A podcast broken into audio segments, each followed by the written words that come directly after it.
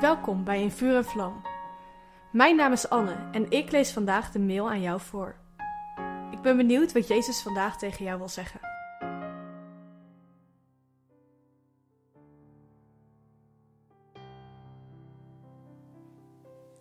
Dat ik dit onderwerp niet zelf heb bedacht, is inmiddels wel duidelijk.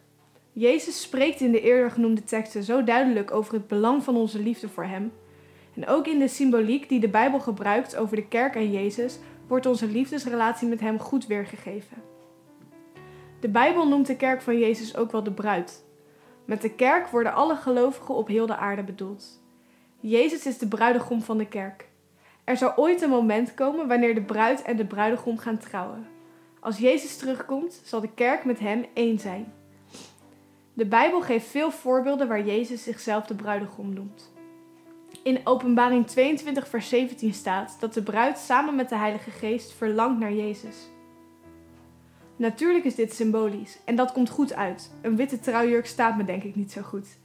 Maar wat hiermee wordt gecommuniceerd is van onschatbare waarde. Als Jezus terugkomt, zal hij zijn bruid ontmoeten. Hij komt terug voor zijn bruid. Dat betekent dat we niet allemaal theologen moeten zijn of minimaal 15 uur per week in een kerkactiviteit moeten investeren. Jezus zoekt geen militairen of, of hoogbegaafden. Hij zoekt mensen die van hem houden. Mijn eigen zus is sinds een aantal maanden verloofd.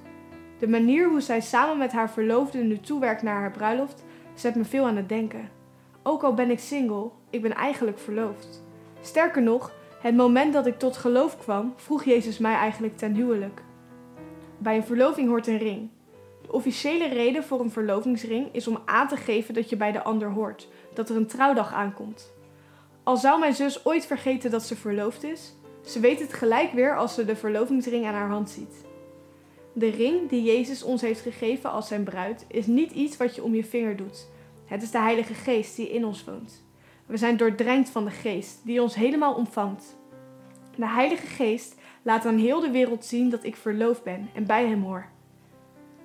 De bruid van Jezus zijn betekent concreet dat wij van Hem houden en dat Hij van ons houdt.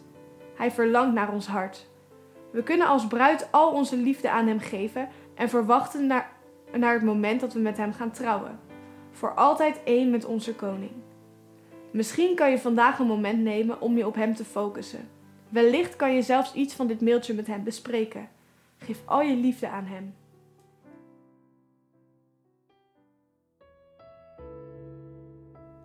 Wat leuk dat je hebt geluisterd naar In Vuur en Vlam.